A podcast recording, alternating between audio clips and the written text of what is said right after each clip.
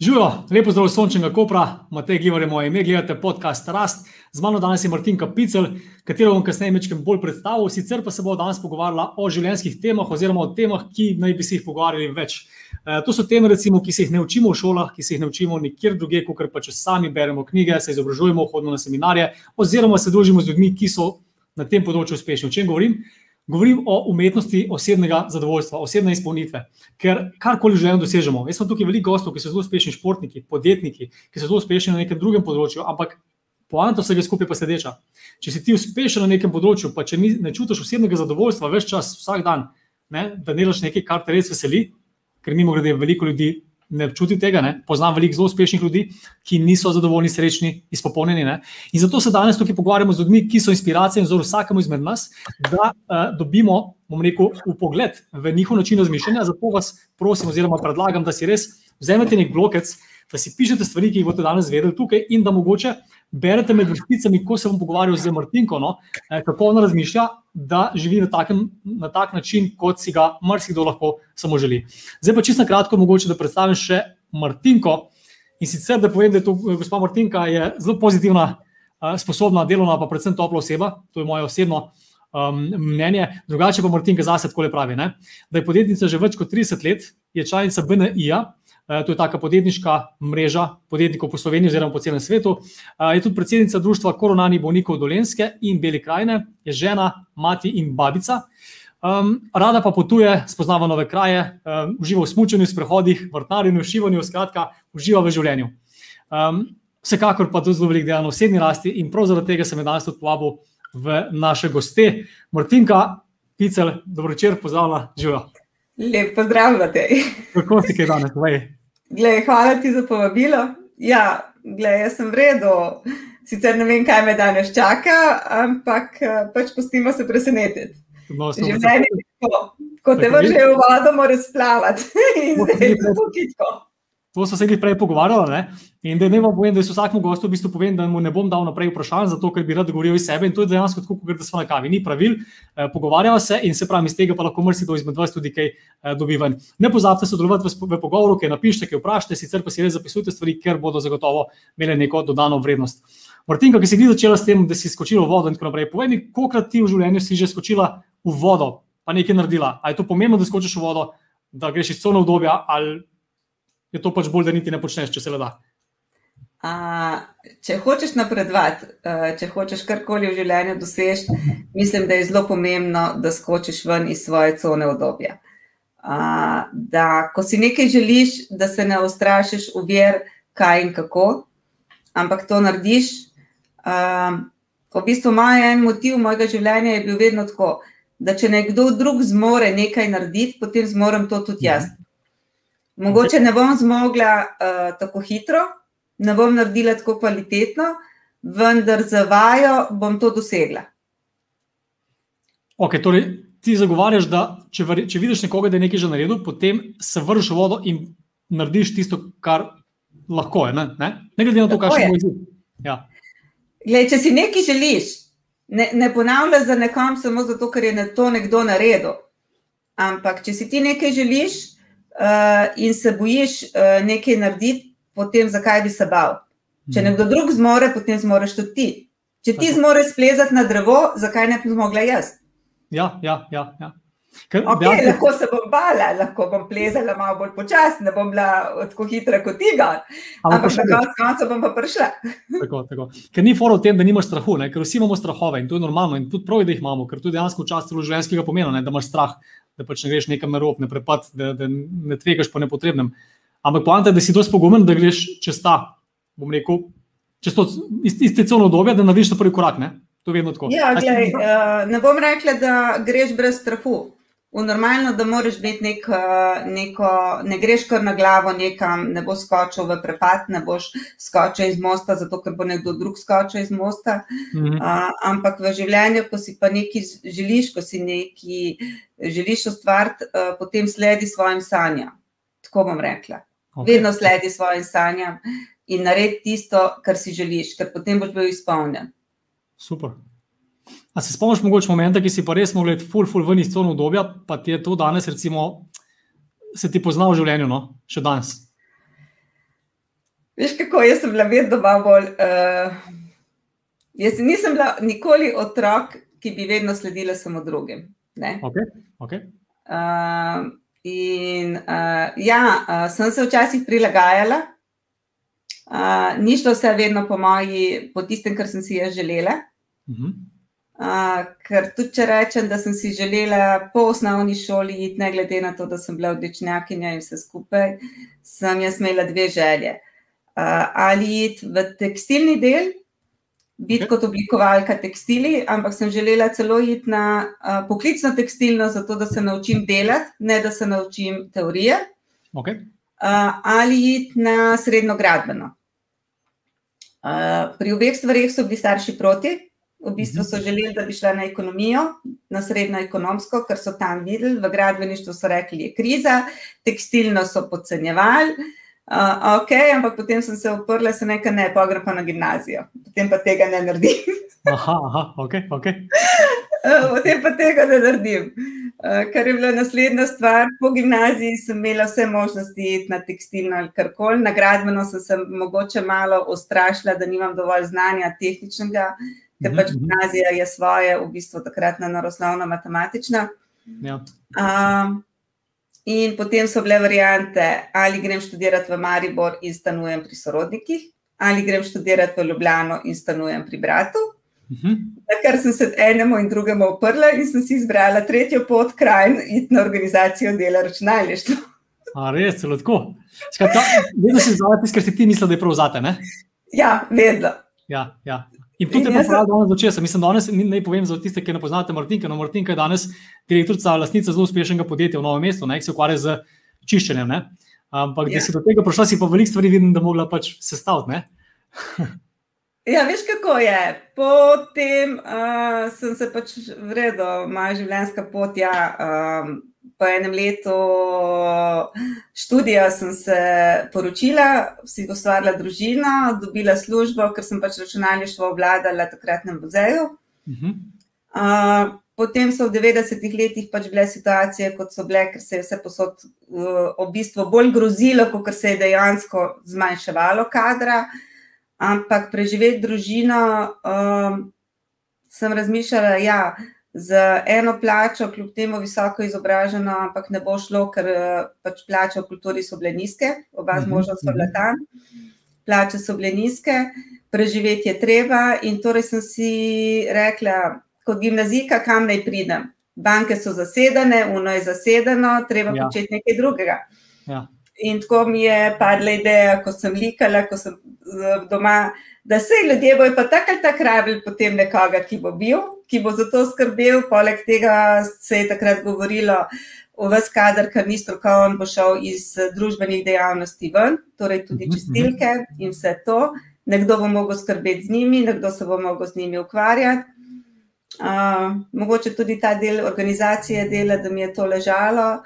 In sem rekla, ok, potem se spustimo pa v to. Brez znanja, brez vsega, sem se pri svojih mladih letih odločila. Koliko časa že imaš podjetje? Jaz sem ga ustanovila konec leta 90, 30 let. 90. Wow, wow, wow. Ja. Leta 94 sem se kompletno zaposlila v njem in od takrat naprej delam samo to. Okay, okay. Ne bi pa kar povedal, mogoče bom, je sicer povezano vprašanje, ampak eh, bom večkrat skočil na, na kaj si najbolj, oziroma zakaj si najbolj hvaležen v življenju potem. No? Najbolj hvaležna sem v bistvu vsej podpori mojega moža. Ok, wow. Kdorkoli me, kdorkoli uh, me doma nikoli niso tako podpirali, kot me je moj mož podpiral pri vseh mojih neumnih, mm. pri vseh mojih odločitvah, okay. takšnih ali drugačnih. Ker nekdo bi rekel, takrat imela sem varno službo, imela sem vse, uh, jaz sem se spustila na popolnoma neznan teren, pa popolnoma vse pri dveh mehkih otrocih, uh, takrat sta bila stara štiri in dve leti, ko sem jaz ustanovila firmo. Torej, dva zelo mehna otroka, poleg službe sem jaz imela še podjetje, torej sem dopoldan bila 8 ur v službi, uh, popoldan šla še delati in tako. Uh, ampak mož me je pri vsem tem podpiral, ker sem mu neizmerno hvaležna in pri vseh mojih odločitvah me on podpira. Tudi kasneje v življenju, me izmeri podpiral. To je pa zlata vredno, ne? ker uh, tukaj si še enkrat potrdila to tezo, kako pomembni so ljudje okoli nas. Ne? Ker to niso samo prijatelji, pa so neki znanci in tako naprej, ali pa ne vem, sodelavci, ne? tukaj so, bom rekel, osebni partnerji, ne? ker iz odnosov ponovadi ljudje črpamo največ energije ne, za življenje. In če doma nimaš podpore, potem mrzke težko narediš. Uh, če jo pa imaš, ne? potem pa dejansko čez vse bregove lahko Ja, če imaš doma podporo, uh, da se kot partnerski odnos uh, razume, da se potem družina podpira, da se otroci združijo skupaj, v bistvu, je to izredno velikega pomena.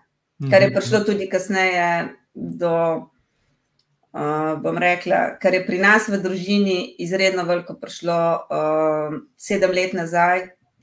Ja, sedem let nazaj, ko je mož bolel je mhm. prišla spet ponovno ta, uh, ta povezanost izredno do izraza. Okay, uh, se pravi, mož je zbolel, zdaj mož v redu? Ne? Ja, gledaj, relativno vredno. Okay, ja. Okay.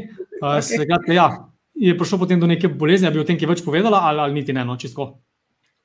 Ja, lahko podelim, da, um, da je pač doživel srčni infarkt. Um, hmm na košarki zaradi stresa, v bistvu organizma, stresa, ker je dve ure pri svojih 53 letih na fully igral košarko. Ker okay. ti pač mislite, da ste še vedno 20 let stari. Ne? Vedno, vedno. Ja. Em še pa svoje naredi in telo včasih ne da temu. Potem je prišlo pa pač, eh, to niti ni bilo tako hudo, ampak potem je prišla pač situacija takšna, kot je. Uh, splet okoliščen, da je po petih dneh doživel še možgansko kap. Hmm. Ker me je pač ena holesterolna leha, ko smo ustavljali stent, odplavala v možgane. Statistično gre 90% v jedra in, in, jedra in ledvica, 10% pa pač odpluje tega v, ali v pljuča in prije do pljučne embolije, ali pa v možgane, mhm, prije do mhm. možganskih kapi, potem je pa pač odvisno, kje je kaj, kako, kako so velike, kaj se zgodi. Mm -hmm. Ali je imel pač to smalo, meni je doktor Kapš rekel, da to je tako, to, kar se je njemu zgodilo, je tako, kot takšna možnost, kot da zadeneš jackpot na loteriji. Hm. Da je proživel. Da je on bil v negativnem smislu, ja, aha, aha. Uh, da mu je ta stvar vzela celo desno stran telesa uh, in oba centra za govor in razumevanje. Kako pa danes? Danes je veliko boljše, če se prav spomnim. Ja. Smo, in takrat je prišlo do izraza to, kar je prišlo do izraza, da smo bili družina povezani. Sicer mm. sem bila včasih, bom rekla, kot diktator, zaradi tega, ker sem po, pokomandirala v kompletu vse. Da mož ni bil niti minute sam, v bistvu, ker smo imeli možnost od 7 do 10, pa 11 zvečer biti z njim v bolnici in tudi kasneje doma. Uh, -hmm. da smo skozi njim delali, ogromno sami. Zato sem izredno hvaležna obema sinovama, ker sta v bistvu dve let življenja uh, posvetila nama, uh, uh, njemu in pa predvsem meni, da sta mi pomagala. Ampak moža smo v, tre, v dveh mesecih postavili kompletno nazaj na noge, tako no. da mu je desna stran kompletno začela nazaj funkcionirati, ima še malo slabši občutek. Uh, Uh, nima popolnega občutka, ampak če ga danes vidite, ga noben ne bo rekel, da je on po možganski kapi. Uh -huh. uh, in na novo smo ga morali učiti, uh, ker je imel poškodovana oba centra, še danes ima center za govor in razumevanje, ga je bilo pač treba nazaj naučiti uh, tako vsako črko, kako se izgovori, uh -huh. ker ni znal niti ene črke povedati. Ostalo, znal je edino prepisati črko. Uh, ni znal pa samostojno napisati, in potem je bilo pač vsako črko, potem besedo, in tako naprej. Ogromno dela, ampak ja, za skupnimi močmi se vse to zda.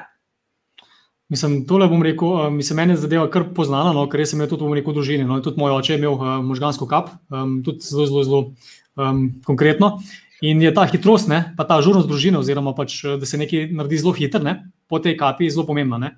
In tukaj, da imaš podporo, je ključnega pomena. Ne? Si tudi zaradi tega potem postala, mislim, da predsednica koronarnih bolnikov Dolenske, verjetno um, si ja. tukaj stala. Ja, v bistvu je bilo to, uh, ker je bil mož tako hendikepiran, bom rekla, ja, njega je bilo treba kompletno nazaj spraviti. In to je bila edina skupina, ki dela z bolniki, uh mhm. -huh. bom rekla, njim prilagojene vaje. hkrati pa, kar razlagajo, je treba slediti in spremljati. Torej, je bilo treba koordinacijo, razumevanje vseh skupaj. Ni pomenilo samo fizična kondicija. Fizično kondicijo bi lahko tudi doma ja. vzpostavljali. Ampak to, da on pride v družbo, da se mora skomunicirati, da mora slediti ostalim, da to niso samo domači, je bilo ravno to. No. In ta Super. skupina nam je dala ogromno, bom rekel, sem neizmerno hvaležna. Potem je pač prišlo po uh, času, da prejšnji predsednik zaradi svojih obveznosti ni mogel nadaljevati dela, v bistvu je imel mm -hmm. željo, da prekine. Jaz sem pa pač med mlajšimi in tako sem pa prevzela še to. No. Okay, okay. Ne, fino, fino, super. Tudi eh, sprejemaš odgovornost, kjerkoli se da. Um, Lej, če lahko pomagam ostalim, če lahko pomagam ljudem, bom pomagala. Ne želim škoditi, uh -huh. uh, če pa je možnost, da pomagam, pa ja, in želim predati eh, znanje, v bistvu vednost, ki jo imam -huh. komorkoli. Ja. Jaz jo ne skrivam, ampak jo pač podelim. Ja, ja, ne, ne, jaz moram reči, da recimo imela, se sicer poznava iz BNI, ne, to je bom rekel ta ja. poslovna mreža, ne, um, kjer jaz mislim, da sem se imela to zelo hitro začutila, predvsem zaradi tega, no, ker imaš, ker daješ nek občutek topline, ne, um, dobrote, ne, da želiš dobro vsakmu, ne, in to se mi zdi, da res, res ljudje lahko cenimo, cenijo. Me pa vsem zanima, recimo, glede na to, da si prej omenila, da je stres bil recimo razlog, ne, en izmed razlogov, zakaj je mož, bom rekel, zakaj je prišel do te srčne kapi, možganske kapi in tako naprej, ne, Kako se pa ti, recimo, s stresom soočaš, no? oziroma koliko imaš stresa v življenju, je tega veliko ali malo, ali eh, kako delaš s tem? Veš, kako. Uh, stres, je, stres je, ker priješ v trenutek, ko so nenadne situacije, uh, ko se moraš zelo hitro odzivati, zelo hitro reagirati, uh, imeti sposobnost razmišljanja na večjih nivojih. Uh -huh. Uh, tukaj verjetno, da neke sposobnosti imam, da so mi prirojene, uh, da so mi prirojene v bistvu, da se ne ustrašim zelo hitro in nisem paničar. Nikoli nisem bila uh, paničar in tudi v tem trenutku nisem, tako da znam zelo hitro. V bistvu jaz pod uh, adrenalinom, pod stresom, ko moram najbolj, uh, najhitreje razmišljati, najbolj mhm. funkcioniram. Okay. Ja? takrat eh, mi možgani delajo, bom rekla tako, na tisoč obrati, so takrat možgani, ker se mi vse vrti, čak, čak, čak, čak, čak, aha, top, top, top, in znam zelo hitro sliko skup sestaviti. Eh, je pa ja, da potem si pač vzameš na vsake tok časa, tudi prej sva si vzela. Um, glede na to, da je bil on dolga leta tudi v muzeju, pa je tudi tam imel odgovornosti. -hmm. In tako, uh, mi, da smo si vzeli trikrat, štirikrat na leto, po en teden pauze in smo šla na dopust, ker smo si vzeli čas samo zase. Zato mi tudi pomeni, da se lahko sprostim doma na vrtu, da grem ven z psom. Um, včasih je dovolj samo, da, da smo z možem skupaj, da se pogovarjava, da si podeliva stvari mm. in se sprostim. Vse to, ki mi govoriš, mislim, da je ključna stvar tudi pri tebi. No? Popravljamo, če se motim, se pravi ta odnos, ki ga imaš, ne? družina. Bom rekel, neki, um, te, te intimne vezi, ne? bom rekel, izmožen za družino, z, z sinovi ne? in tako naprej. Um, to mislim, da je osnova, ne? tudi pri tebi, pa se motim, da, da lahko tudi ostale stvari počneš, da imaš energijo, da imaš volo, željo.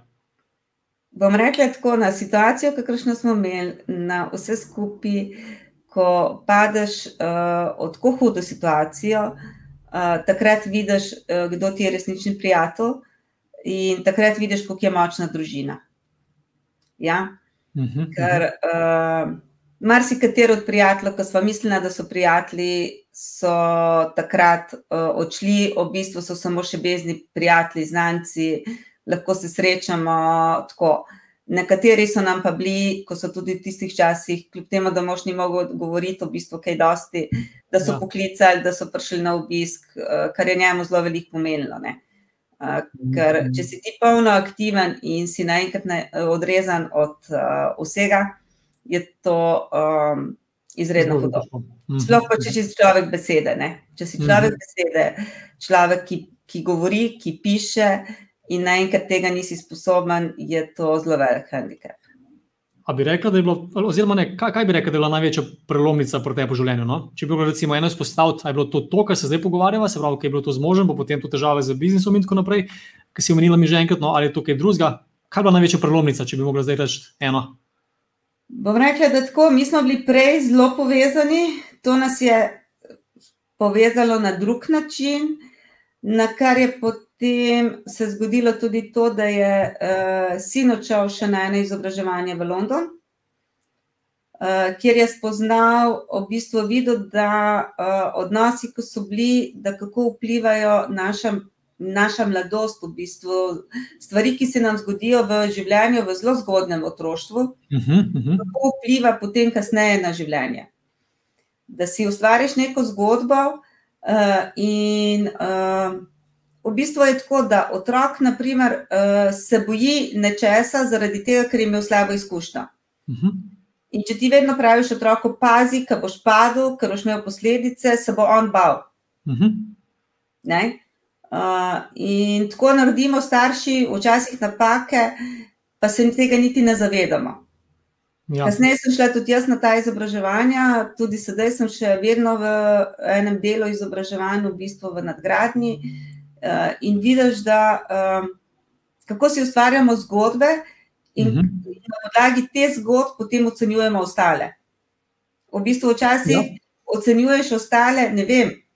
Nekdo ti je, pride parkrat mimo tebe in je slabe vole. In ko, ja. ti, in ko ti pridete četrtič mimo, ko ga samo vidiš, se postaviš nazaj in rečeš, kaj bo spet.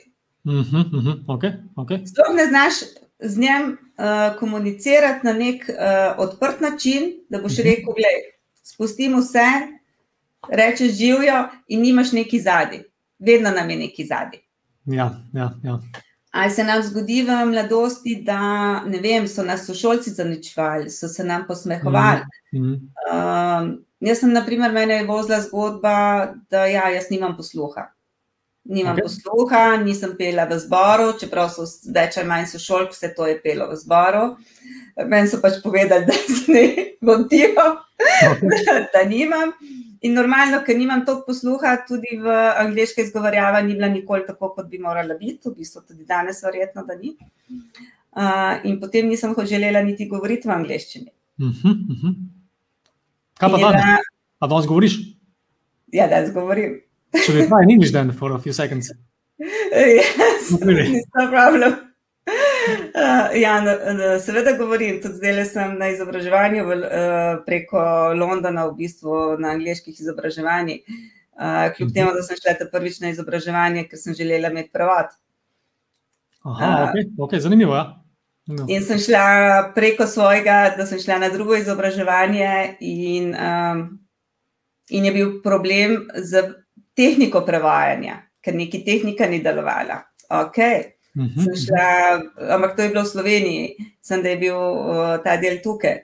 Na kar sem šla v London, ki bi mogli biti nas, ne vem, deset. Uh, Deset uh, udeležencev iz Slovenije bi morali imeti angliški prevod. Uh, Ja. Na kar smo bili, nas je bilo pet ali šest udeležencev, samo ena ali dva bi rabila prevod in je prevod odpadel. Uh -huh, uh -huh.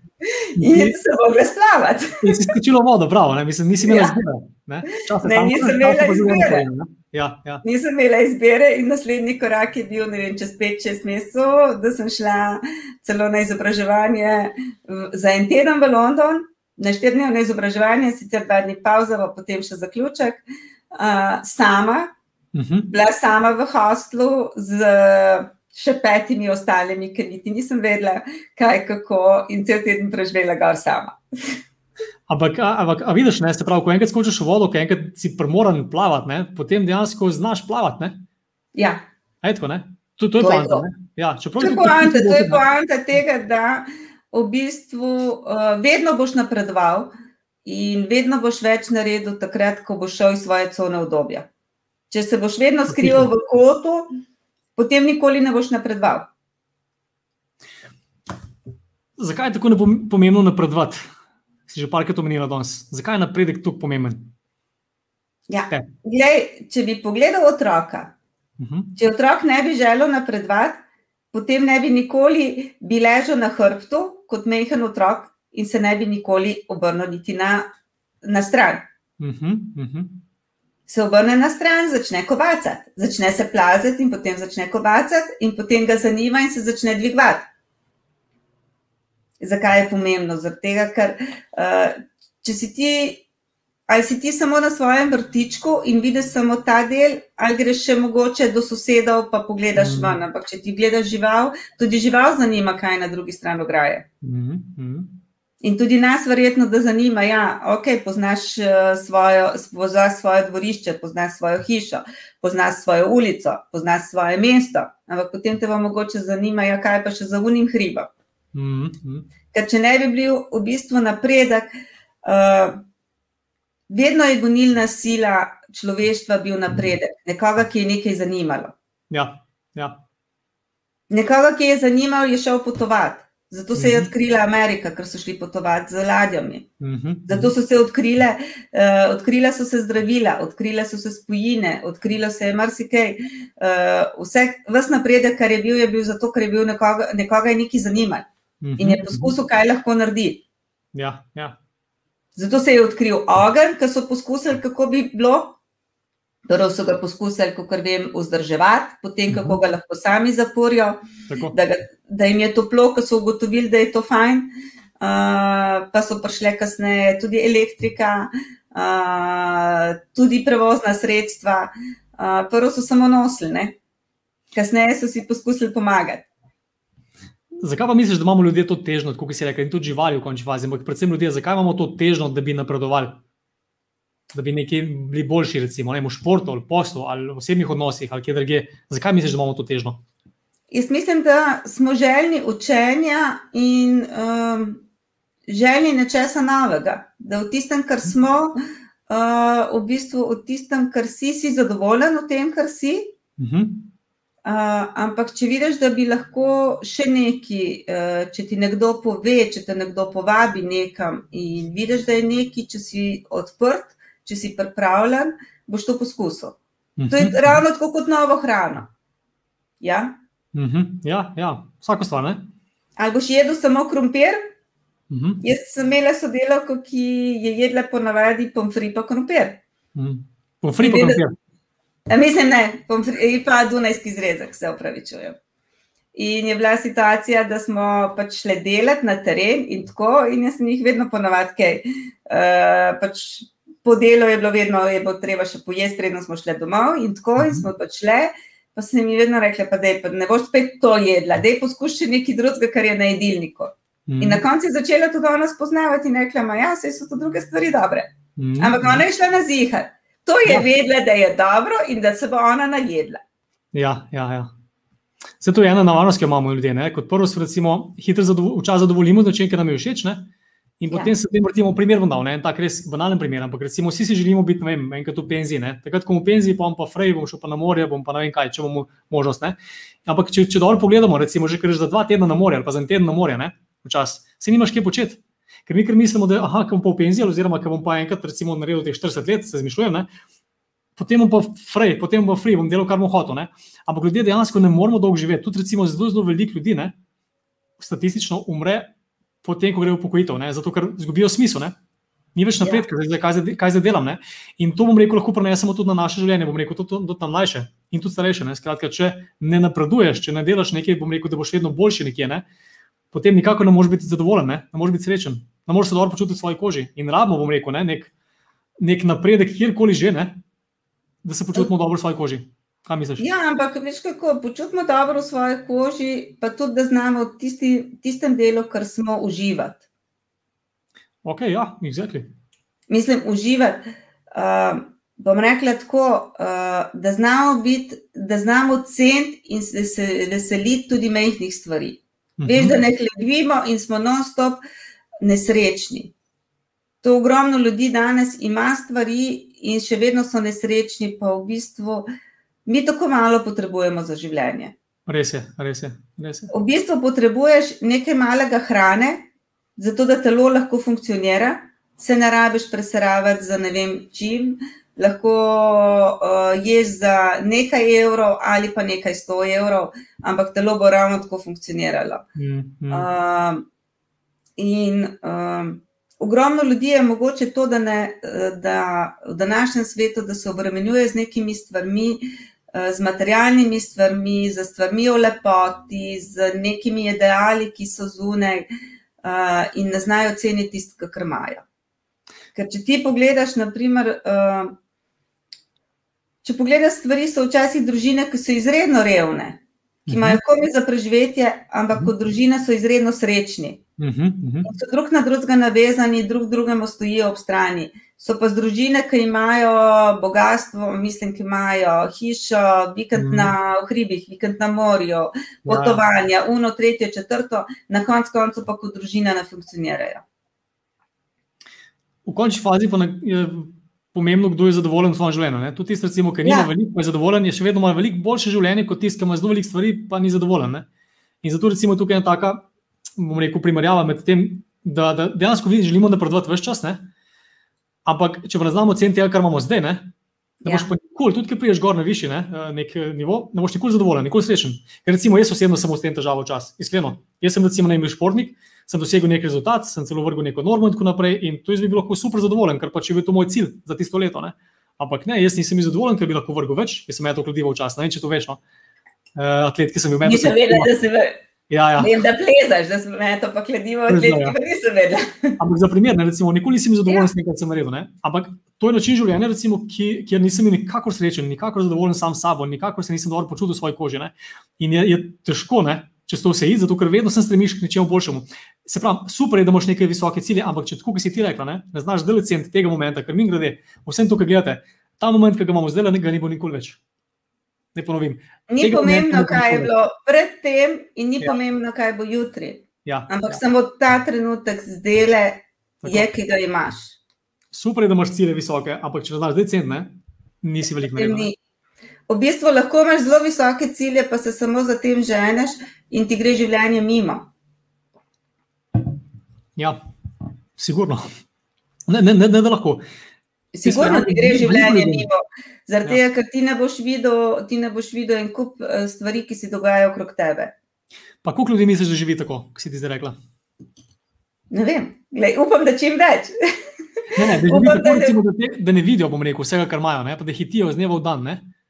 Jaz mislim, da veliko, zato ker je med ljudmi toliko uh, tolik nerganja, toliko uh, apatičnosti, v bistvu pritoževanja nad nečem, tudi danes v tej krizi, ki, ki jo imamo, mm. v tej pandemiji, ki je, uh, v tem, da smo odgovorni drug do drugega, uh, v bistvu ne znamo ceniti, da vendar smo živi, kaj nam pa manjka.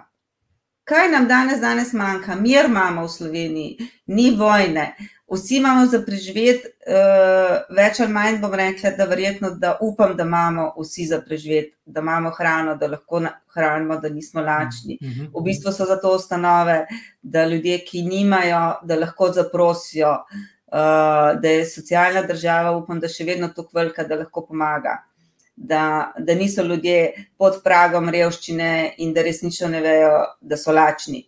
Ker mhm. v bistvu v, uh, v teh materialnih dobrinah, ki jih imamo, mislim, da noben, uh, če že na svetu, vsaj v Sloveniji, nihče ne bi smel biti uh, lačen. No. Se strinjam, ne? da, toliko bi lahko bilo, da je toliko poskrbljeno, v bistvu, uh, da je pač včasih treba vrata odpreti, zaprositi, povedati stisko, ki jo imaš, uh, pa da ti bodo ljudje priskočili na pomoč. No. Aha, se pravi, um, hočeš reči, da če ti je težko, če nekaj ni ok, in tako naprej. Ne? Ni bom rekel, fajn, da se pritožuješ, ampak da najdeš način, kako to rešiš, ali to, da poskušaš prositi za pomoč. Ne? Da vprašaš, kako je. Poskušaš prositi za pomoč, pa tudi tako je. Um, vedno so rekli, ne daj, uh, ne daj ribe, ampak nauči ga loviti ribe. Jaz bi rekel, da je nekaj drugega, ker sem vegan. Ne? Rabiš, da okay, ne vidiš to. Ampak... Vredo, bomo rekli. Popolnoma razumem. Ja, ni fora, da naučiš neko človeka, um, da mu nekaj daš, ne? ampak ga naučiš, kako si bo samo neko nekaj naredil ne? v življenju. Ja, lahko mu pomagaš, mu daš, mu daš pri pomočke, ne vem. Uh -huh. uh, ampak da. Potem, potem tudi ta človek mora še nekaj sam narediti. Uh mhm. -huh. Veš, kako je? V bistvu danes je en kup uh, stvari. Ne, vem, ne moreš doma ležati in samo čakati, kaj boš dubo. Uh -huh, uh -huh. So ljudje, ki so, ne vem, so starejši, ko rabijo pomoč, pa bi bilo mogoče fajn, da jim prineseš hrano iz trgovine, da jim pomagaš nekaj narediti doma. So kmetije, ker bi, ker bi jim še kakšen par rok prišel prav, ampak zaradi račun tega bi ti dubo. Tudi jaz, ko sem se spustila v svoje podjetje, v bistvu je bilo zaradi tega, ker uh, družino bo treba preživeti. Jaz nisem pričakovala, da bomo za eno plačo preživeli uh, štirje v najemniškem stanovanju z mm -hmm. plačevanjem vrca, nisem želela pa prositi doma, ker nisem mhm. nikoli prosila. -hmm. Jaz sem dobila žepnine, kot sem jo dobila. Tudi ko, tudi, ko sem bila na študiju, ko so mi za prvega v mesecu dali, so mi dali, Uh, in nikoli do konca meseca nisem prišla nazaj, pa je bilo treba jim vlak plačati, in hrano, in stanovanje. Jaz nisem prišla prositi, uh, ali lahko dobim. Je bilo pa res, da sem šla pa polet delati prek študenta. Uh mhm. -huh. Zato, da sem si lahko prvošla, ali pa mogoče še nekaj kupila, uh, kar sem si jaz želela. Jaz sem začela šivati tudi iz tega veliko, uh, že v osnovni šoli, tega, ker, nis, uh, ker ni bilo, da mi kupijo tisto, kar bi imela, ker so si lahko sošolke prvo šle. Uh -huh. Za mhm. blago sem pa imela, šivalni stroj je bil doma, torej vse se popolnoma pa nared. Ja, ja, ja. Pa dva, tri dni delaj, pa boš imela. Pa sem imela mogoče še drugače, ko so sošolke bele. Aha, sigurno, sigurno. Ja, A misliš, da je bil to del vzgoje pri tebi, ker recimo, ti si vedno že od malega sprejela odgovornost, da boš sama nekaj naredila? Ne? Nisi zdaj staršo prosila, nisi zdaj čakala, da ti ponudijo nekaj podarov, ne? nisi pa zdaj užaljena, ker ti ni podarov, ne? ampak si sama nekaj naredila, si sprejela odgovornost. Ali to misliš, da je posledica vzgoje ali si ti pač rodila tako? Um, delno je vzgoja, delno je pa tudi moja, uh, uh, v bistvu moje prepričanje. No? Greš samo nekaj na desno, prosim, ne, da boš v sredini videl. Hvala. Je, kot ja. ja, misliš. Ja. Uh, mislim, moja, uh, moja narava. Hmm. Uh, jaz se bom uh, vedno za nekaj, kar bom želela, se bom, uh, se bom potrudila in poskusila to doseči. In nisem prebrala, in uh, malo kdaj bom jaz prosila nekoga. Ampak bom vedno iskala rešitve, uh, kaj lahko še naredim, uh, kje lahko še kaj naredim. Uh, uh, tudi v podjetju, v bistvu, aha, a je mogoče še kaj, kar razpisa, se mogoče še kaj da, kaj lahko še naredimo, kje lahko naredimo, kje lahko mogoče sama oddelam, uh, da prehranimo, da lahko karkoli speljemo in da grejo stvari naprej. Uh -huh, uh -huh. Um, Veš, kaj razmišljam, se pravi, koliko si imel premožo, da te je vedno podpiral? So te tudi doma vedno podpirali starši? Ne. Ne, no, no. Meni so starši, men so starši bolj kontradajali, kot podpirali. Po eni strani ja, podpirali, ampak jaz sem bila bolj. Uh, v bistvu jaz jih nisem ubogala. No? Jaz nisem sledila tistim, kar so si oni želeli, jaz nisem sledila njihovim sanjam, uh -huh. uh, uh, ampak sem bolj sledila svojim sanjam. Uh -huh. In sem prej kontrirala, prej sem zato kakšno okrog šest dobila. ja, ja, ja verjamem. Prej je bilo tako. Uh, moji so starši so bolj na to gledali, kaj bodo sosedi rekli, uh -huh. kaj bodo vsi drugi mislili. Uh, mene pa to glih ni tako zanimalo, kaj si bodo drugi mislili. Uh, če sem jaz imela nekaj, da je to tako, potem je to tako, pa me glih na figo briga, kaj si sosed mislil o meni. Skratka, ampak a misliš, da recimo potem otroke vzgajati v redu na ta način, kot so tebe vzgajali, ali bi ti kaj spremenila? A ti delaš kaj drugače z svojimi otroci? A jih ti podpiraš ali jih tudi, uh, kot so tebi starši, kontrolirali? Uh, v bistvu ne, jaz jih podpiram. Jaz jim pustila odprte roke. Eh, jima omogočim stvari, kot jim mhm. lahko omogočimo, uh, ampak ostalo v življenju pravim, da jaz ti lahko omogočam, kaj boš pa ti naredil, je pa tvoja odločitev. Lahko ti svetujem, lahko prideš k meni po nasvet, uh, ampak vse ostalo je pa tvoja odločitev. Uh mhm. -huh. In tudi, kar se šol tiče, kar se študija tiče, si jim vedno rekla, Pa sta bila pridna v osnovni šoli, tudi v gimnaziji, potem, ampak jaz sem jim že po osnovni šoli rekla: Glej, zaradi mene, če greš ti na poklicno šolo in si ti v tem srečen, izvoli. Super, wow, prav. Če si ti v tem srečen, zaradi mene ne zanima. A pa je danes srečen? Ja, danes sta oba srečna. Super. Tukaj recimo nam je, nam je Tanja napisala eno tako sporočilo in sicer otrokom je potrebno dati krila. Poletijo v svet po svoje izkušnje, ker noge imajo, da pridejo domov po to lažbo. Kaj praviš na tole? Odlično, točno Ja. to. Ja. Njim je treba dati krila in v bistvu jih je treba naučiti, da tudi če kdaj padajo. Jih ne Mhm. smemo držati, da ne smejo padati, ampak je pa potrebno, da smo tam, da vejo, da smo tam in da ko nas rabijo, lahko pridejo k nam.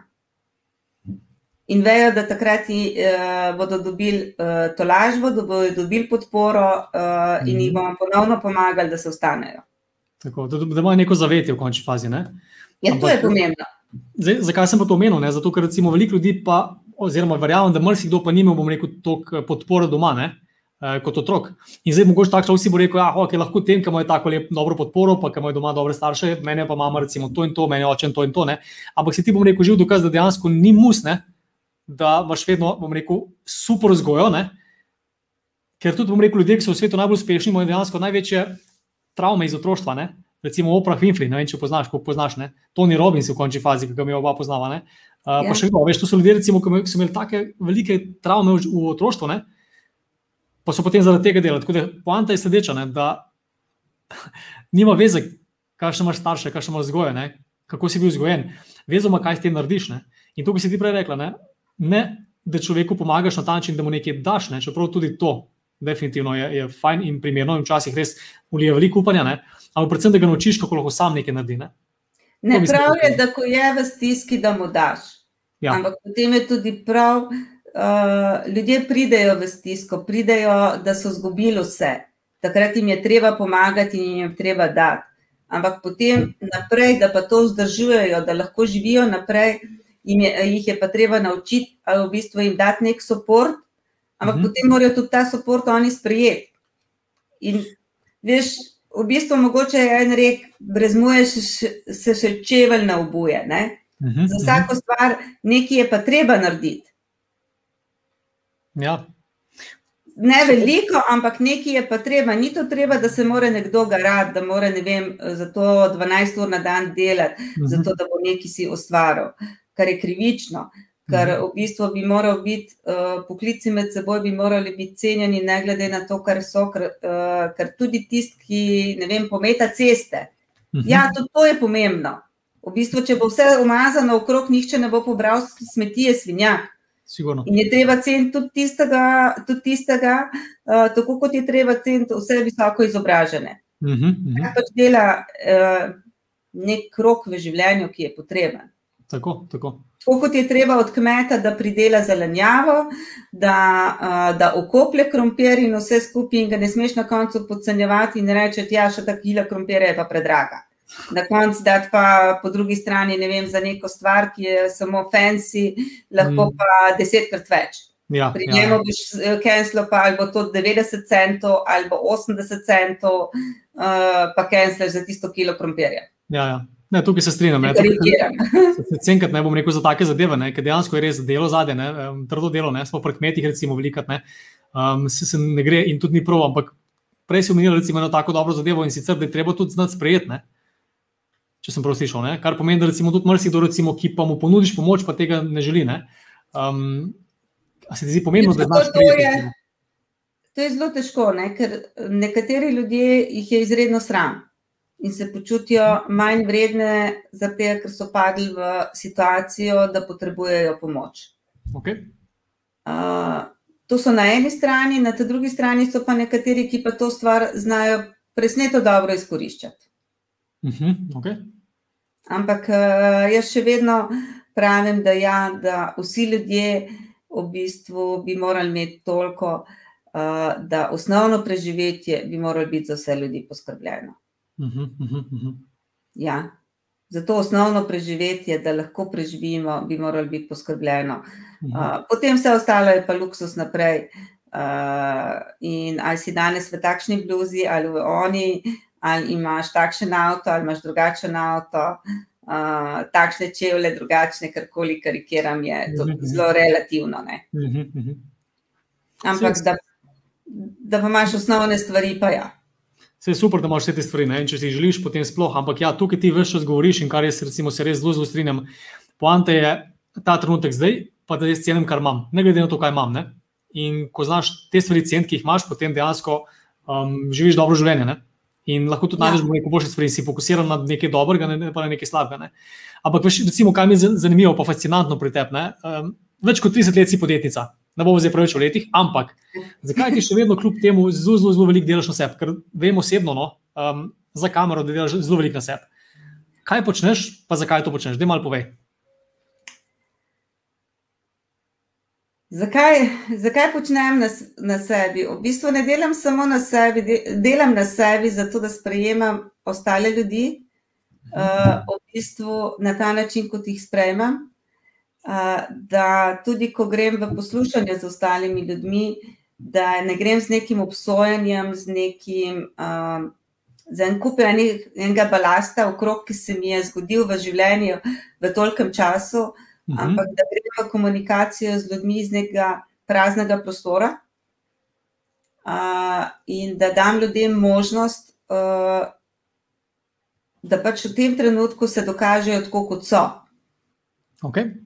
In uh, me ne zanima njihova preteklost, me ne zanima njihova vera, izpolnjenost, politična uh, aktivnost ali karkoli.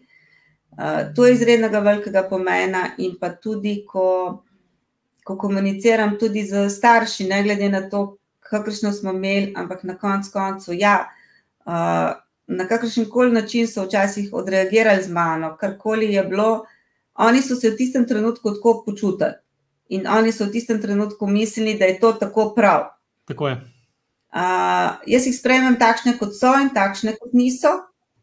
In mi pomeni, še vedno so moji starši, vredno očeta že dolgo nimam, še vedno je moja mama, še vedno uh -huh, uh -huh. Uh, je ona edina in, je, in jo imam rada, takšna kot je. Uh, ne glede na to, uh, ali se bolj ali malo razumemo. Uh -huh, uh -huh. Še vedno je ona. In ljudje se včasih ne zavedamo, eh, ljudi okrog sebe, in potem nam je žal, ko jih ni več. Ne?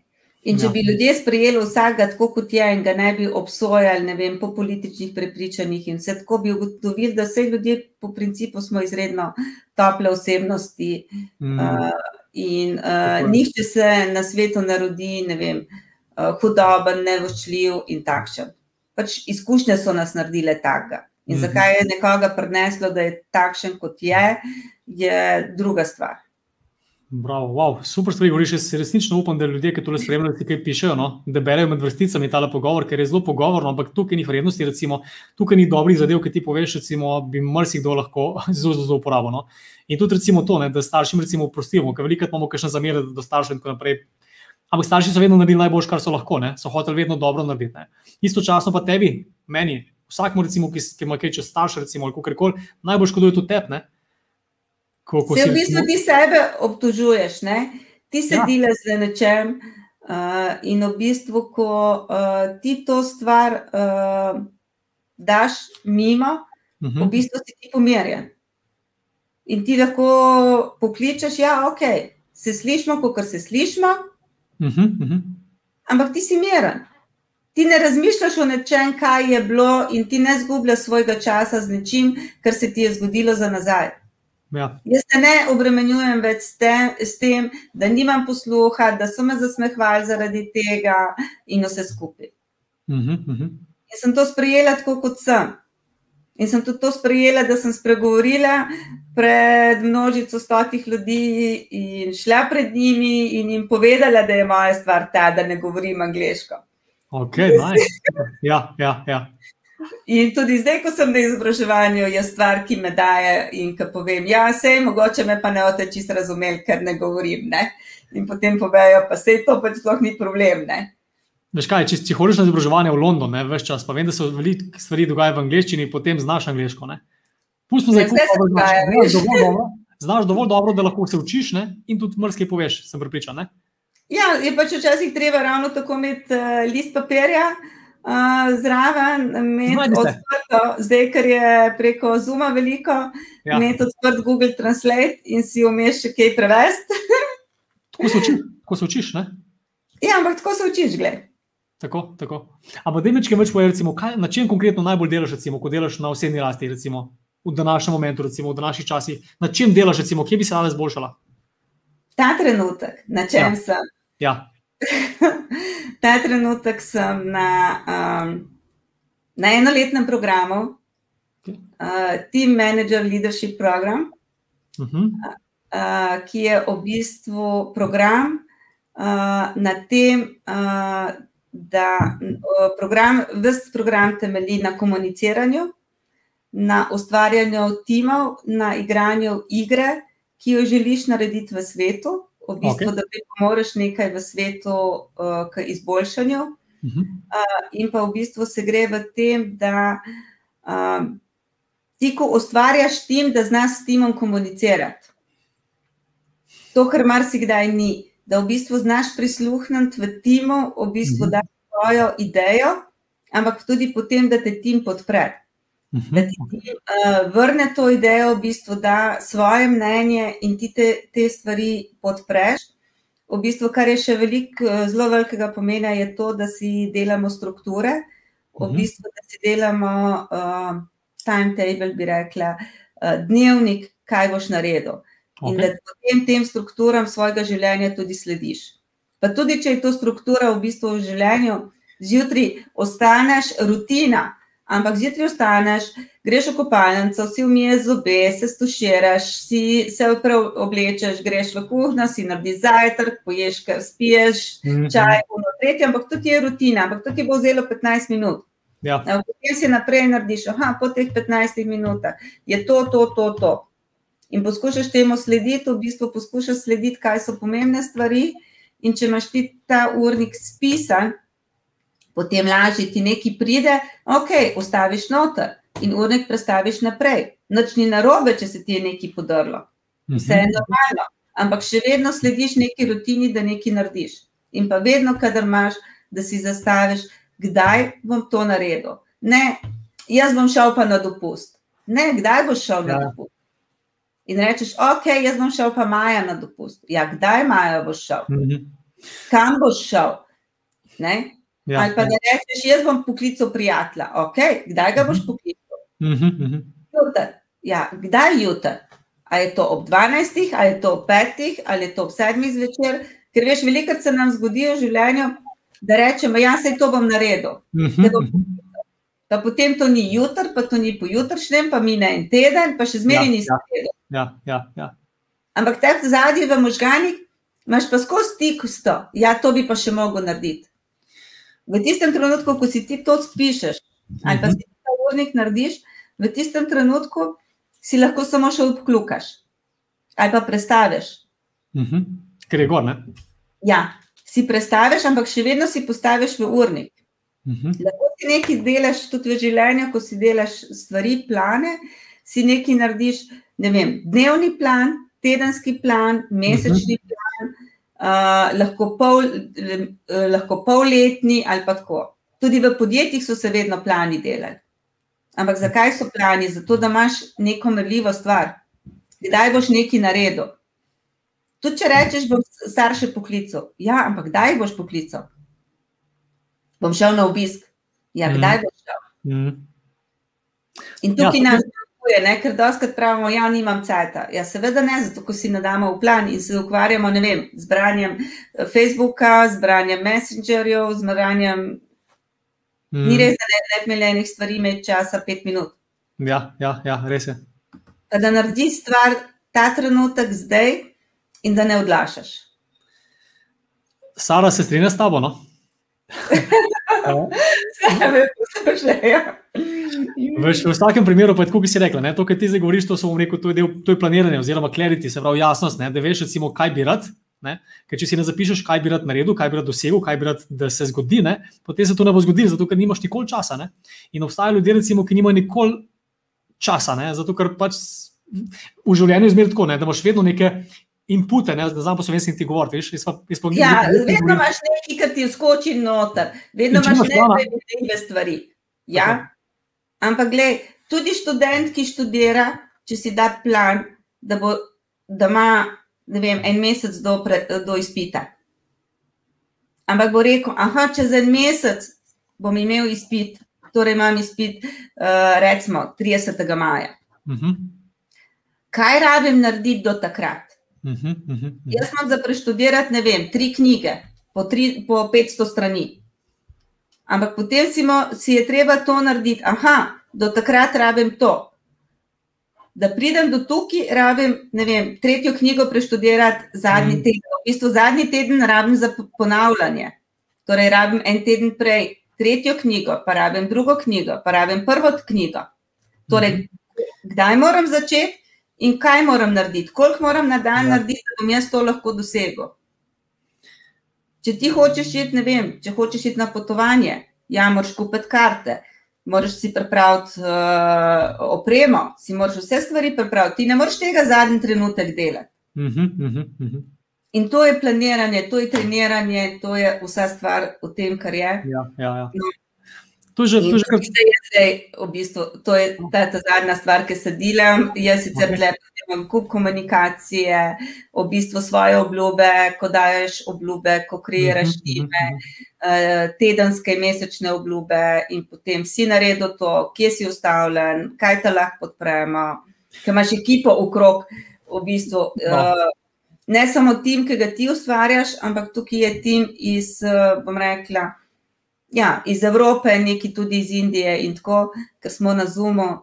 Uh, in potem, kako si povezan med seboj, koliko je komunikacije med seboj, koliko vidiš, koliko smo mhm. ljudje med seboj odprti. Ampak smo pač mhm. približno isto misleči, ker smo v istem programu ja, in ja. potem se resnično podpiramo med seboj. Ne? In ko priješ v to pozitivno energijo, si vas nasmejan, si vas tak in mene včasih kdo vpraša, kaj delaš ti s seboj. Ja.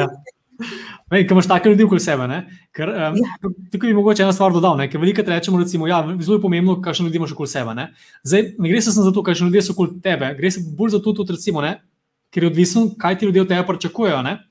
Če imajo tebe, recimo, tako kot v tvoji skupini, ne, tej, uh, aktivni, ne, ima nekaj pričakovanja, da recimo, če si nekaj rekla, da boš naredila, ne, pa da kdaj boš to naredila, pa kako boš to naredila. Ne, lahko vse poveš, narediš in tako naprej. Ampak če ljudje od tebe to pričakujejo, potem boš to naredil. Ne? In to je tista pomembnost, zakaj so ljudje okoli tebe pomembni. Ne? Ker veliko ljudi, če ne pričakujejo od tebe nič, ne? Um, potem tudi nič narediš. To je tista razlika. Ja, ampak da ti znaš tudi ljudem povedati, kaj in dokdaj to pričakuješ. To pa, če jaz tebi rečem, napiš ta dopis uh -huh. in mhm. ti ne rečem, ta dopis rabim do jutri. Uh mhm. -huh. Ja, jaz sem ti sam rekla, da ti to naredi. Ja, ja. In potem je to potem. Ali pa otroku, če ti rečeš, pomi posodo. Ja, bom. Ajmo pa rečeš, pomi posodo do treh popoldan. Skratka, jasnost. Ne? Jasno moraš biti pri tem, ko, daješ, ko delegiraš, rekel, če ljudi ja. vodiš, ali pa če vodiš sam sebe, ne moreš biti jasen. Ne, ne sem jaz, recimo, izbirati naredil ta izpit ne, za študenta, ali pa jaz bi rada, recimo, ne vem, zdaj si kupila ne vem, neko torbico. Ne, Moraš vedeti, ja. kdaj, katero torbico, koliko stane, kaj za to raboš narediti in tako naprej. Ne. Um, da, evo, tukaj še tam je napisala nekaj fajnega, se mi zdi, okrog sebe imaš nezavedno sebi podobne ljudi, ker iste sorte ptiči skupletijo. Kaj praviš tole? ja, uh, to, to je pač del energije, ki jo privabljaš. Ne? Sigurno, da je. Je pa tudi tako, da je zelo veliko pomembno, uh, kaj si kreiraš, ker si smo ustvarjalci svojega življenja. Ja, ja. Da v tem mogoče sem zelo malo rekla, ampak ja, uh, da ko imaš neko željo, da si to znaš skrijeti in da si to resnično želiš. Ker ko si mhm. boš to želel, boš to tudi zmogel. Uh mhm. -huh. Naprimer, jaz sem imela tle enormni preboj v, um, v lanskem letu, da sem bila na enih seminarjih, kjer sem si želela zamenjati svoje poslovne prostore, ker sem kreirala, da bom menjala svoje poslovne prostore, in na koncu sem šla preko sebe. Uh, in sem vse to naredila, in to v letu korone, v letu nevrednih stvari, ja. ker sem padla na to, da sem dala aro, pa ni bilo kredita, ampak na koncu sem skreirala kredite, wow, sem iz wow. tega kreirala naprej stvari, uh, se z majstri dogovarjala, skreirala uh, na koncu kompletno prenovo, vse. Uh, in konc leta skreirala, da kredit, ki sem ga maja dobila, sem ga poplačala, dobila drug kredit za nižjo obrestno mero. Ampak v bistvu, ko si toliko kreacij, ko to iščeš rešitve, na koncu jo najdeš. In veš, tam, kjer je želja, je tudi pot Ja. in je rešitev. In to je ta kreacija v življenju. In ko si ti želiš uh, nekaj, uh, tudi ljudje nasprot tebe pridejo takšni. Mhm, mhm, In pravijo, da če ti razmišljaš o bolezni, bo bolezen prišla k tebi. Če ti mhm, mhm. razmišljaš o rešitvah, boš našel rešitev. Jaz bi sem želel, recimo, da ljudje, ki to gledajo zdaj, no, pa ki bodo gledali posne- potem v posnetku, kadarkoli ali poslušajo na podkastu, no, ne se bom rekel, res poskušajo brati vrsticam, pa gledati, pogledati, koliko koliko imaš ti v bistvu močno mišico, ne, poguma. Ne, in zdaj tako, ne, veliko ljudi recimo, je zelo težko skočiti iz tega obdobja, pa nekaj narediti po vodo, pa tako naprej. Ampak ja, to je zato, ker veš čas na tem delaš. Ne. Veš čas se tudi postavljaš rekel, v krog takih ljudi, ki ti to omogočajo. Ne. Ker recimo, če tukaj odgovorim, ne, tudi Tani, ja, velikrat je tako, da pa čiste sorte tiči skupaj letajo. Ampak, če želiš recimo ti napredovati, odvisen zdaj, ne, seveda pač najbolj fajn ti je v družbi ljudi, ki te spremijo, ki so te veseli tazega in tako naprej. Ampak primer, če bi hotel biti recimo veliko boljši športnik, ne, je Ja, fajn- boš pa nekaj za to narediti. Definitivno. Ampak je tudi fajn, da imaš nekaj ljudi, recimo, ki so tudi boljši mogoče od tebe, ne, se boš bolj potrudil. Isto v poslu, ne. isto recimo na osebni rasti. Ne. Če imaš ti okoli sebe ljudi, recimo, ki se skozi izobražujejo, ki delajo na sebi in tako naprej, je veliko večja šansa, verjetnost, ne, da boš tudi ti nekaj naredil. Ne. Tako da definitivno je to, je to res, da se najdemo ljudje, ne. po drugi strani pa tudi najdeš tisto, kar imaš v glavu, ne, kar iščeš, ne, um, privlačiš, kot si rekla, ne. Take ljudi tudi v svoje Ja. življenje. Pa tako je, v bistvu moraš biti radoveden. Potrebno je, da si radoveden, potrebno je, da raziskuješ, da si odprt za nove stvari, um, da si marsikaj prebereš. Uh, in da te res ni tvoj domet, uh, samo televizija, neke nanizanke, uh, neki časopisi z nekimi objavami, kaj je kdo, ne vem, kjer je skero bil, gor dol v nitrači. Od tega res ne moreš neki ful napredovati. Pa ne obsojam ljudi, pač, glej, pač vsak si izbere svoj krok, kar ga zanima. Mhm. Ampak je tako, da v življenju je fajn, če. Pre... Jaz sem vedno rada brala, vedno sem zelo, bom rekla, na velikih področjih me Mhm. zanima. Nisem specialist za neka področja, ampak zanimajo me pa marsikaj. In preberem o, vse živo, kar je. Uh, in tako potem imaš nek, neko znanje, ki nikoli ne veš, kdaj ti prav pride. Mhm, mhm. Mislim, da je že ta odnos, ki ga imaš, recimo ti. Ne? Ti se hočeš vedno nekaj novega naučiti, ti hočeš vedno v bistvu. Um, nikoli ne veš, kaj ti je prav prišlo, ampak več čas delaš na sebi. Um, to, je, to mislim, je ta odnos, ki je ključen. Ne? Ker tukaj se lahko pogovarjamo o tem, kaj bereš, kaj delaš, kakšne mentore imaš, s, s kom se družiš. Ne? Ampak gre se za odnos, ki ga imamo do življenja, do sveta, um, do tega, kako sprejemamo sami sebe. Ne? In veliko recimo ljudje, ki nimajo te mišice, ne, tega poguma, ki nimajo, rekel, ker mislim, da je tako. No, ta pogum, ki ga imaš ti, ne, Martinka. In mislim, da je ključen, da lahko v življenju karkoli dosežeš, zato ker potem dejansko si kot prvo lahko ti, ti ne, ker nimaš toliko strahov, ker vse čas, ko delaš na pogumu, ne, se ta pogum širi tudi na druga področja življenja. Ne. In uh, lahko napreduješ, lahko rasteš, lahko dejansko dosežeš več kot pa nekdo drug. In to je poanta, ne. Ves čas delati neke stvari, ki so ti mogoče malo težke ali pa ki jih ne bi želel, ampak to je. Uh, Ja, to je tisto, da greš iz cone obdobja. Sej meni ja. tudi prej, kot sem rekla, v njih prostorih, ja, ok, malo smo bile stisnjene, malo je bila gužva, vse skupaj, ampak bi lahko, če bi rekla, ok, še nekaj let do penziona, pa lahko ja, zaključim. Ja. Ali sem pa zdaj vse na glavo obrnila, pa se zakreditirala za naslednjih deset let. Pa dala pod hipoteko in hišo, in vse skupaj. Ja. Uh, ampak ja, smo prišli pa do čist nek, ne, nekega drugega nivoja, bom rekla. Imáš dober razlog, imaš dober zakaj. Ja, gledaj. To je to, ne? Pač tako je. Um, in to je pa v bistvu, želim, da bi ljudje v bistvu. Tudi to, da širim to, to stvar, ki je, je ta, da želim, uh, da bi se ljudje nehali ukvarjati z svojo preteklostjo, z stvarmi, ki so se jim zgodile v preteklosti, obsojati to, kaj se jim je zgodilo, kako so se rodili v nesrečni družini, v vsem skupaj. Lahko so se zgodili, rodili v pomankanju, v vsem skupaj, ampak v določenem trenutku uh, so pa stopili na svoje lastne noge. Uh -huh. In v tistem trenutku, ko so stopili na svoje lastne noge, so oni ustvarjalci svojega življenja. To je to, to je to. In oni so si skreirali, kaj je. Nobenemu pa v bistvu, ja, res izredno bogatim je bilo vse podarjeno. Marsikdo drug, tudi ko jih danes gledaš, ko imajo neke stvari, uh, je vprašanje, če jih pogledamo iz druge strani, koliko so ti ljudje uh, oddelali, koliko ur so bili v določenem poslu, koliko noči so prečuli, uh, čemu vse so se odrekli, da so ja. si ustvarili, kar so si ustvarili. Ne? In tudi, tudi nekdo, ki je 8 ur v službi, ja, ampak če hoče delati na sebi, to pomeni, mm -hmm. da mhm. dela v to v svojem času, uh, v času, ki ne vem, ni pred televizijo, če si ti dve ure na izobraževanju, nisi s prijatelji na pijači, če si ti bereš knjigo. Se ja, ni ja. pomembno. Tudi če bereš knjigo, če bereš karkoli. Si pač nekje, kjer si in nisi na nekem, ne rečem, prijatelji so izredno pomembni in je fajn, da se mhm. družimo. Ampak danes je veliko mladih, ko sedijo skupaj na kavi, pa ima vsak svoj telefon, pa gleda po Facebooku, pa po unih omrežjih. Mm, ne cenimo tega, ne pristnega stika, ne včasih. Ja, sploh ni pravih pogovorov. Ja. Ne, ampak to je, da ti ceniš ta del, ampak potem tudi če kaj narediš, uh -huh, uh -huh. tudi na sebi. No? Uh -huh, uh -huh. V bistvu, da svoje strahove premagaš, in da greš iz tiste svoje cone obdobja. Vse mm. greš iz cone obdobja, tudi vsak športnik, vsak ja. rekreativc gre iz cone obdobja. Ne, ne mislimo, da tistemu, uh, ko je na kavču, da ne gre iz cone obdobja, ko se obleče in gre ven v držje teč. Prav, sigurno. Sigurno. Ampak gre iz cone obdobja, zato da bo nekaj naredil za svoje telo. Tako, tako.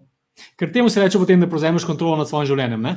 Ker ja. ko ti nehaš obremenjati s preteklostjo, kot ti praviš, ne? ampak rečeš, ok, jaz nisem moja preteklost, jaz to lahko danes nekaj spremenim. Ja. Ja, jaz lahko danes nekaj spremenim. Ne? In zdaj tako. Lahko imaš motivacijo za en dan ali pa dva, ne, za nekaj tasga, zato je pa fajn, zato se pogovarjamo veliko, da moraš najti take ljudi v življenju, ne, ki ti mogoče celo ni prijetno, bom rekel, v njihovi družbi, recimo, ne, če si malo pač bolj okrogo. Uh, in da ti ni, bom rekel, tu prijetno v družbi ljudi, ki niso tako okrogi, ki so pač manj okrogli, ki so bolj fitne, se boš manj neprijetno mogoče počutil, ampak to je skoraj nujno, ne, zato da boš nekaj naredil. To je za primer, ki pač poletje prihaja, veš, pa ljudje gledajo, kako bo zdaj. Ne boš začel, da bo ja. Ampak pa isti, isti, isti, isti, še nekaj bi tukaj povedal, ne, recimo, ko, ne vem, če si pre, premočen, ne, pa da si kupiš neke večje oblačila, ne, si takoj pogrnil, ne, zato ker potem si se sprijaznil s tem, da si pač zdaj močnejši, ne, in da boš nikoli, ne, kupiti si moraš manjše oblačila, ki ti tiščijo, ki ti gre na, živ, na živce, ne.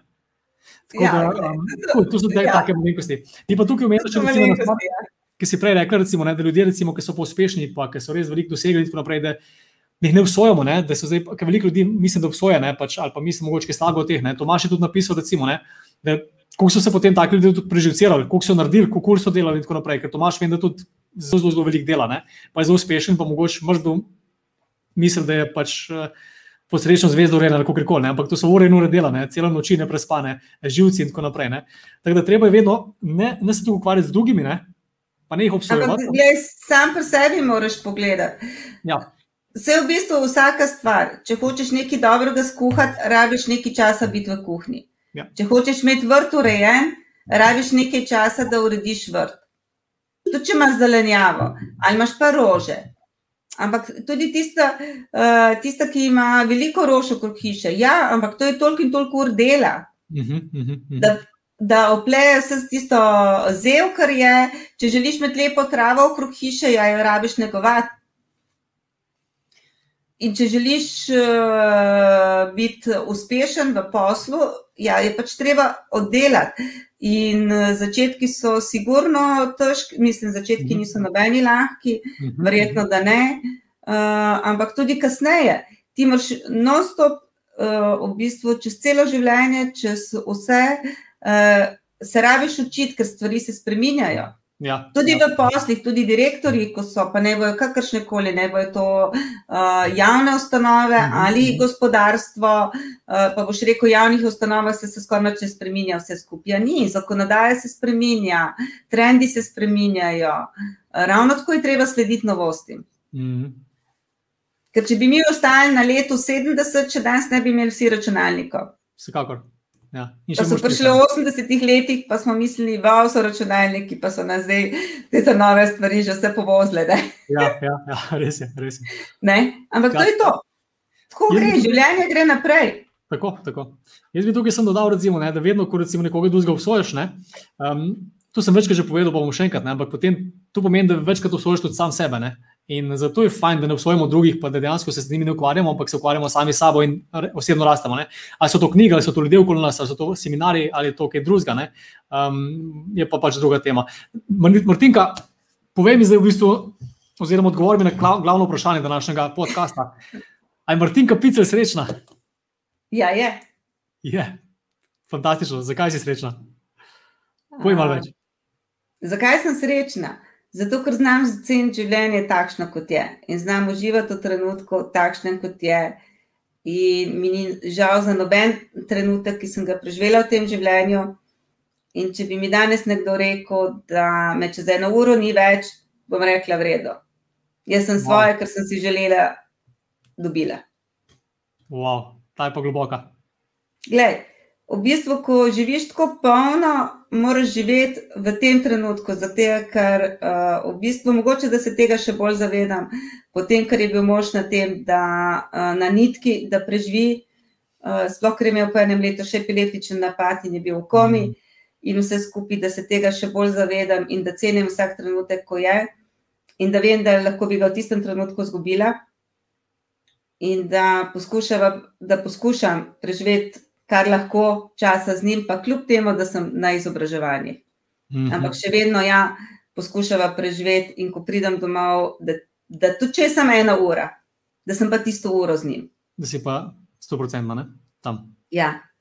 In ko, to, ko priješ do tega, ne da se bom obtožvala, ko nekdo pravi, da ja, bom bil v penziji, bom pa to, pa to naredil. Ja, zakaj pa ne narediš danes? Bravo. Zakaj čakaš na penzijo? Bravo. Zakaj čakaš, da bo šel, ne vem, jaz si pa želim iti ne vem, nekam potovati. Ja, poskus zbrati denar, pa pet čim prej. A ti veš, če ti bo še osvojenih naslednjih pet let? Noben ti ne garantira. Ne. Kdo nam garantira, da, bo, da bomo čez pet let še sploh na svetu? V bistvu, zdaj, ko je eh, eh, letošnje leto, ko je bilo eno leto, niti potovati nismo mogli. Mm. Pa vprašanje, kdaj bomo lahko? Ja. Kdaj bomo lahko šli na drug konec sveta? Cent, ne? to, kar imamo. Ne, ja. ne pa iskati, kar nimaš. Pa tudi, če nekaj pa ne moreš doživeti, pa ne jokati za tega, kar ne moreš, ampak potem se pa veseli tega, kar imaš. Mm. Prav. Martin, jaz sem zelo vesel, no, da si se odzvala na moje povabilo. Ogromno, ogromno vrednosti je bilo ti za tiste, ki bodo prebrali med vrsticami tale pogovor, no, ki ga bodo še enkrat poslušali. Jaz ga res priporočam, jaz vsak pogovor mi gre še enkrat pogledam, si stvari spišem ven, zato ker se učimo ljudi, kot, kot si ti, Martinka. Ne? In res uh, sem zelo vesel, no, da, da si srečno zadovoljna in da znaš, rekel, da si vzor, inspiracija. Tudi meni in, in verjamem, tudi uh, marsikomu drugemu. No. Zdaj, mi grede, jaz, jaz zdaj bom počasi zaključil, imaš pa v bistvu še na koncu zaključno misel, kar pomeni, da jaz bom zdaj pač par stvari še mogoče povedal našim gledalcem, uh, še z mojega vidika, drugače pa ti zaključno misel in potem, ko to poveš, bo zaključila pogovor. Ampak v vsakem primeru pa res še enkrat hvala, da si se odzvala in uh, um, vesel sem, no, da obstajajo taki ljudje na svetu, kot si ti. Da, hvala ti. Jaz sem rekla, hvala tebi, Matej, za povabilo.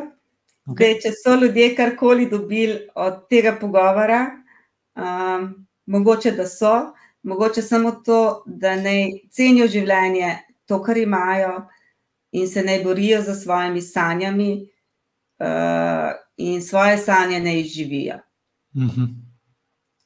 Ker vedno, ko si bodo želeli, uh, se jim bojo sanje izpolnile, sem si jih morajo resnično želeti in tudi to narediti neko akcijo.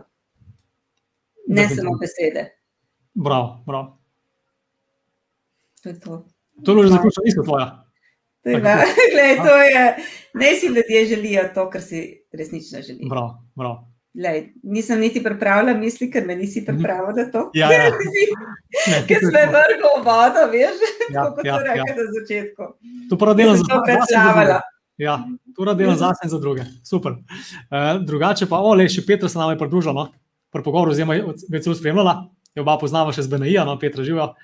Uh, čisto kratko, ne sem še tukaj povedal, za tiste, ki ste spremljali tale pogovor, pa ga boste mogoče še enkrat pogledali. No.